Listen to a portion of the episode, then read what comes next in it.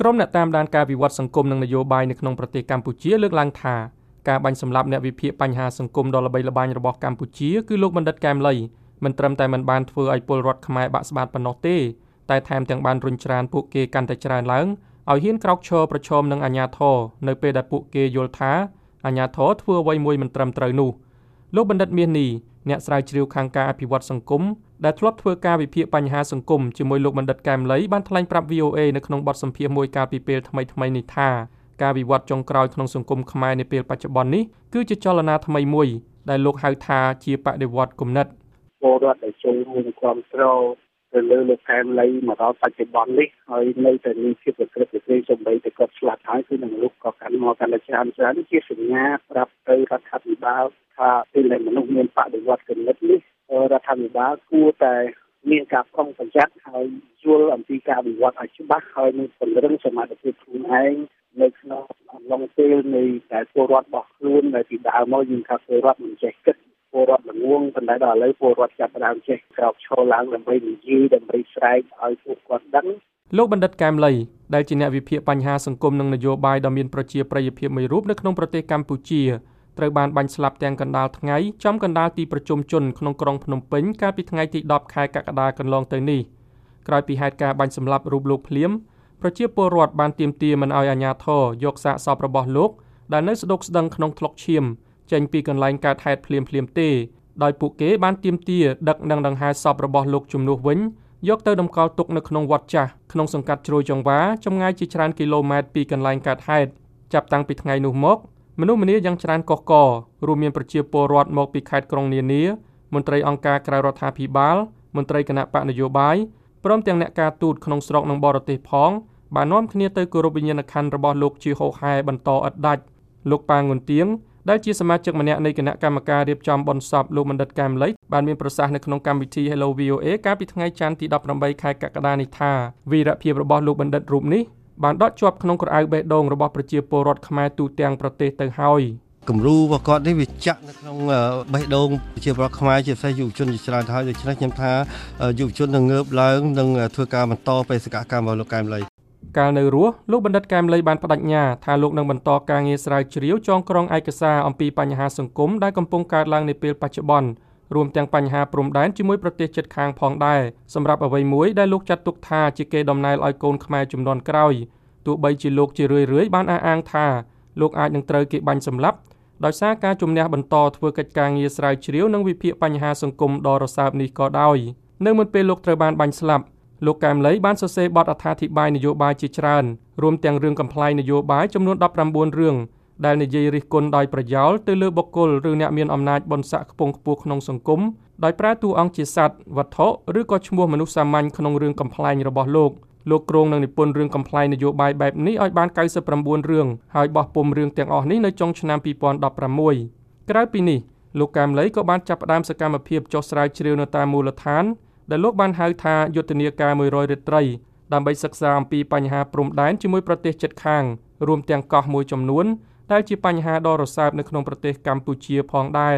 លោកហងវិទូប្រធានក្រុមអ្នកវិភាគវ័យក្មេងដែលទើបត្រូវបានបង្កើតឡើងក្រោយឃាតកម្មលើរូបលោកកែមលីបានមានប្រសាសន៍នៅក្នុងបទសម្ភាសន៍ជាមួយ VOA ថាក្រុមរបស់លោកបានបដិញ្ញាថានឹងបន្តបេសកកម្មរបស់លោកបណ្ឌិតកែមលីតទៅទៀត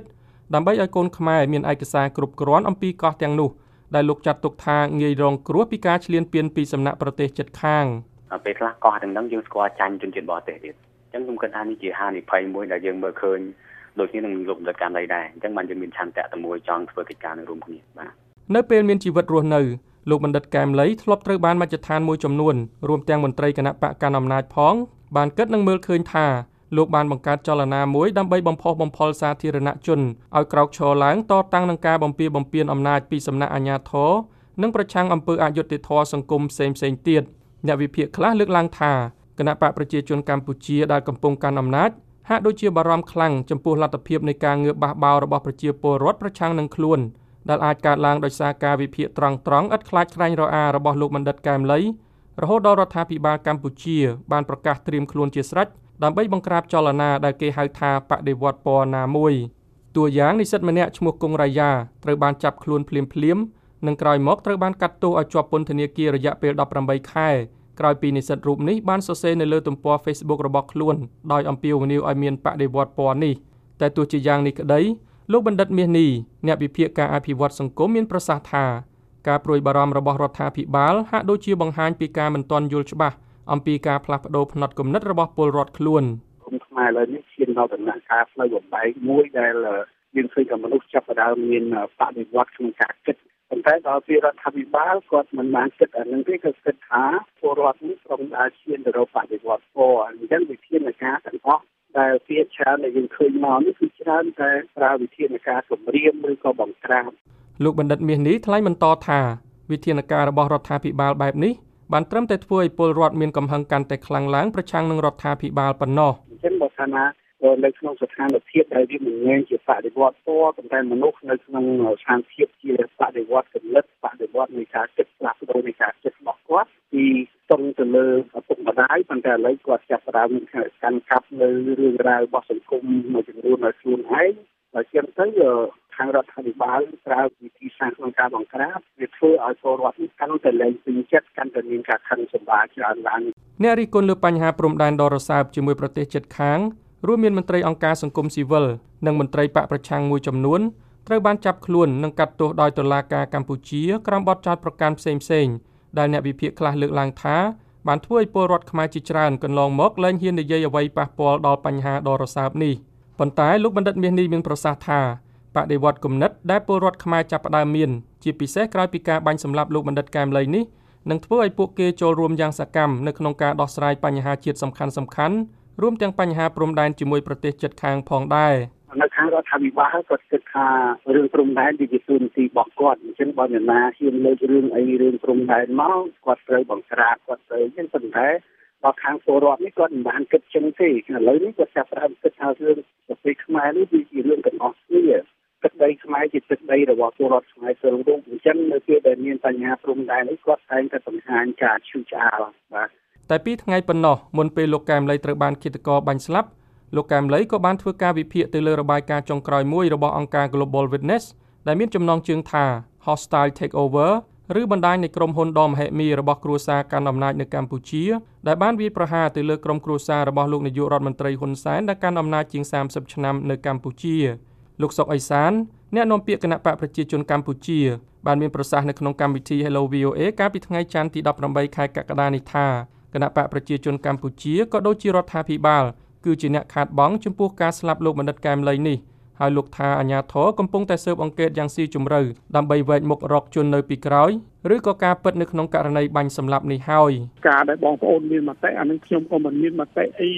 ជំទាស់ដែរទេការយល់ឃើញខុសខុសគ្នាក្នុងបុគ្គលម្នាក់ម្នាក់នោះគឺថាវាយល់ឃើញខុសគ្នាចឹងនេះខ្ញុំយល់ថាគួរទុកលទ្ធភាពឲ្យសមត្ថកិច្ចធ្វើការស្រាវជ្រាវដោយម៉ត់ចត់បាទដូចគ្នានេះដែរលោកផៃស៊ីផានអ្នកនាំពាក្យទីស្តីការគណៈរដ្ឋមន្ត្រីមានប្រសាសន៍នៅក្នុងបទសម្ភាសន៍ជាមួយ VOA ដោយអំពាវនាវឲ្យអ្នកសារព័ត៌មានរក្សាភាពស្ងៀមស្ងាត់មួយរយៈសិនដើម្បីអ្វីមួយដែលលោកហៅថាកុំធ្វើឲ្យទឹកល្អក់ហើយនៅក្នុងសាច់រឿងនេះមិនគួរលូកលាស់នឹងសម្បានច្រើនទេទុកឲ្យការបូជាសពទុកធ្វើឲ្យជាការបញ្ចប់7ថ្ងៃផុតគេទុកឲ្យសមត្ថកិច្ចធ្វើចាំយើងស្រាវជ្រាវវាខុសកន្លែងតាណាអត់វិជាជីវៈកន្លែងតាណានីតិវិធីវាខុសកន្លែងតាណាបានយើង challenge ហើយបើយើងនិយាយពណ៌មុនគេធ្វើការយើងជាអ្នកណាលេងសុភជាទៅវិញទោះជាយ៉ាងណាក៏ដោយ លោកប៉ាងុនទៀងនាយកប្រតិបត្តិនៃមជ្ឈមណ្ឌលកម្ពុជាដើម្បីប្រព័ន្ធផ្សព្វផ្សាយឯករាជ្យថ្លែងថាអធិពលនៃការបាញ់សម្លាប់លោកបណ្ឌិតកែមលីនេះពិតជាបានធ្វើឲ្យប្រជាពលរដ្ឋខ្មែររាប់លាននាក់បានភ្ញាក់រលឹកនិងងើបឡើងរួចទៅហើយដោយលោកមានប្រសាសន៍ថា